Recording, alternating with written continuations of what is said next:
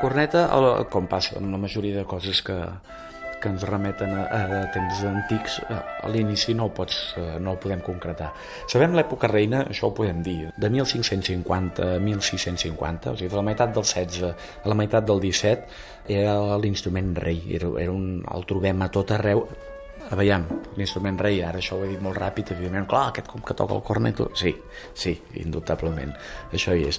Però sí que és el punt, en tot cas, en què els compositors amb més relleu que tenim, doncs començant per Monteverdi, per exemple, que segurament d'aquesta època és el més destacat, posen els cornetos en, en primeríssima plana.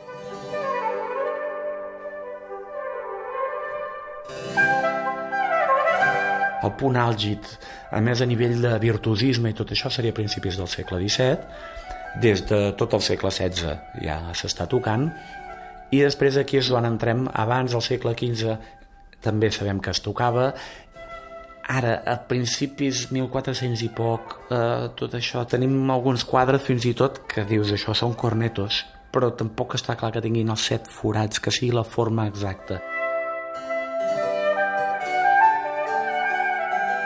Normalment quan diem corneta doncs ho has d'explicar i quan dius corneto et diuen ah, perquè és un instrument italià. És, és, és lògica la, la pregunta. És perquè és el punt és el punt àlgid, és el punt més fort a la, a la Venècia de, de principis del segle XVII, eh, a la capella de Sant Marc, tenint-hi com a... Fins i tot abans, eh, a, finals de, a finals del XVI ja tenim els Gabrieli, a Sant Marc, i després ve Monteverdi, d'allà eh, després tenim Schütz, que estudia Monteverdi i s'emporta tota la tradició de, de Eh, de música, diguem, italiana, doncs la porta cap al centre d'Europa i a partir d'allà comença la cadena eh, Shine, eh, Scheid, fins a arribar a Bach, si es vol. En tots aquests elements que he anat eh, descrivint, els cornetos hi són molt importants. Va junt també amb un, amb un estil concret que són els coris pezzati, el, el, els cor, la música feta per més d'un cor, cors que dialoguen, cors que poden ser eh, vocals per descomptat, però que a, a Venècia, a Sant Marc concretament, l'estructura, l'arquitectura de l'església, de la, bueno, és una capella en realitat, és una cosa estranya. Hi ha tots uns cors disposats que afavorien que es fessin aquests invents. I gràcies a això comencem a trobar música a dos cors, a tres cors, a quatre cors, tots instrumentals, per exemple. Això eh, són el que en diem això, els, els coris pezzati, i el, prim, el primer exponent realment fort, fort d'això són els, eh, els Gabrieli, i a Sant Marc de Venècia. Després Monteverdi, quan arriba allà, evidentment, segueix, segueix jugant també amb això. I amb tot aquest estil de, dels cors, eh, de la música instrumental per cors i això, o mixta, eh, amb, amb veus i instruments, el, el corneto hi estava a dalt de tot. Ara, el corneto com a instrument el trobàvem a tota Europa a tota Europa. La formació hispànica reina de vents, diguem el que seria la banda d'avui dia, en el nostre cas podria ser potser la Copla, una banda municipal a, a, al País Valencià, eren els conjunts de ministres que en diem. I allà hi havia xirimies, hi havia baixons, hi havia sacabutxos i hi havia cornetes.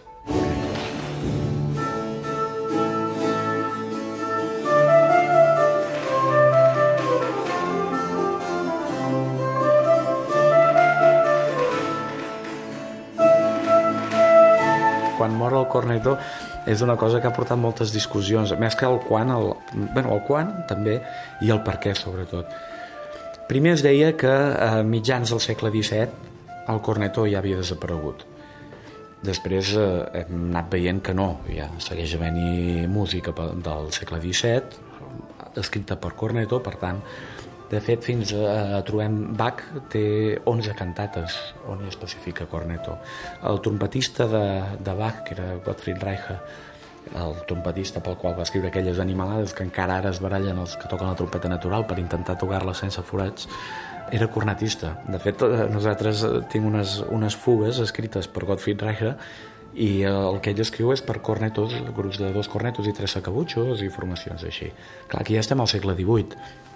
Després de Bach sí que no tenim eh, massa referències, hi ha algun, alguna cosa. Hi ha l'Orfeu i de Gluck, hi ha una de les dues versions que té on hi ha dos cornetos, però sembla que està més fet en, com a record o com a, com a homenatge gairebé a, a l'Orfeo de Monteverdi que no pas perquè en aquell moment s'estiguessin tocant realment els cornetos.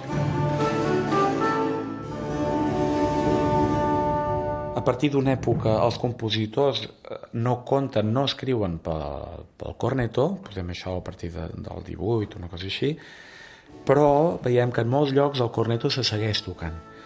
Se segueix tocant amb el mateix paper que havia tingut anteriorment dins l'Església tocant la polifonia religiosa a l'estil més purament palestrina que seguia existint i se seguia cantant dins els oficis. Per tant, allà hi seguia tenint cabuda sacabutxos, cornetos i tots aquests instruments. Composició específica, diguem-ne així, de, el més eh, progre del moment, això a finals del 17 ja, ja va desapareixent.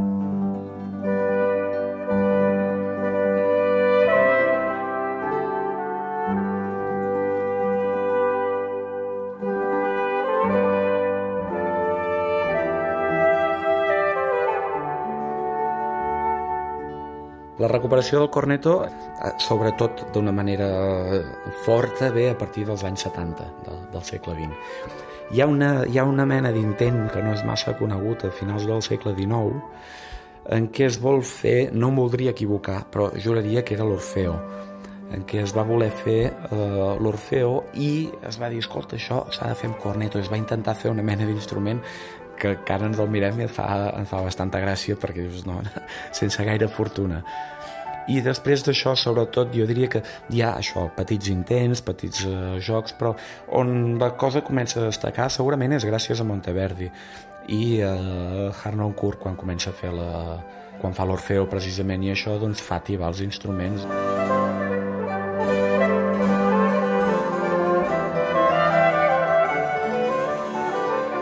meu professor, en Jean-Pierre Caniac, ell era alumne de trompeta de, de Maurice André a París quan es va començar a interessar pel corneto. I ho explico perquè crec que, com que és ben bé aquella època, realment ella estava allà al mig.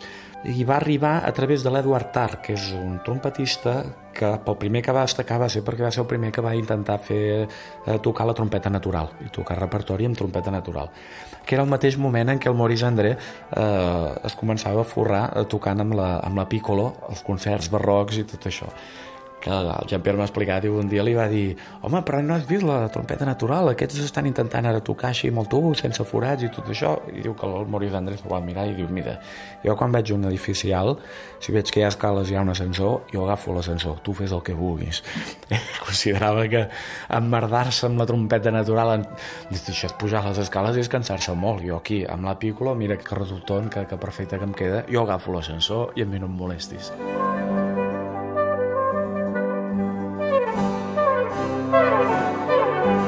Abans deia que segurament gràcies a Monteverdi, perquè clar, Monteverdi és un grandíssim compositor. Diguem que d'alguna manera obligava. Tu hi ha molt repertori que, que podries escollir fer-lo amb un cornet o amb un violí, però els Monteverdi no Després, per tant, allà va haver la gent que ho volia fer, que volia intentar fer-ho amb criteris històrics, va haver de decidir, no, no, això, algú ha d'intentar fer sonar aquests instruments, i van començar als museus a treure'ls, a bufar, fer-ne còpies i anar intentant.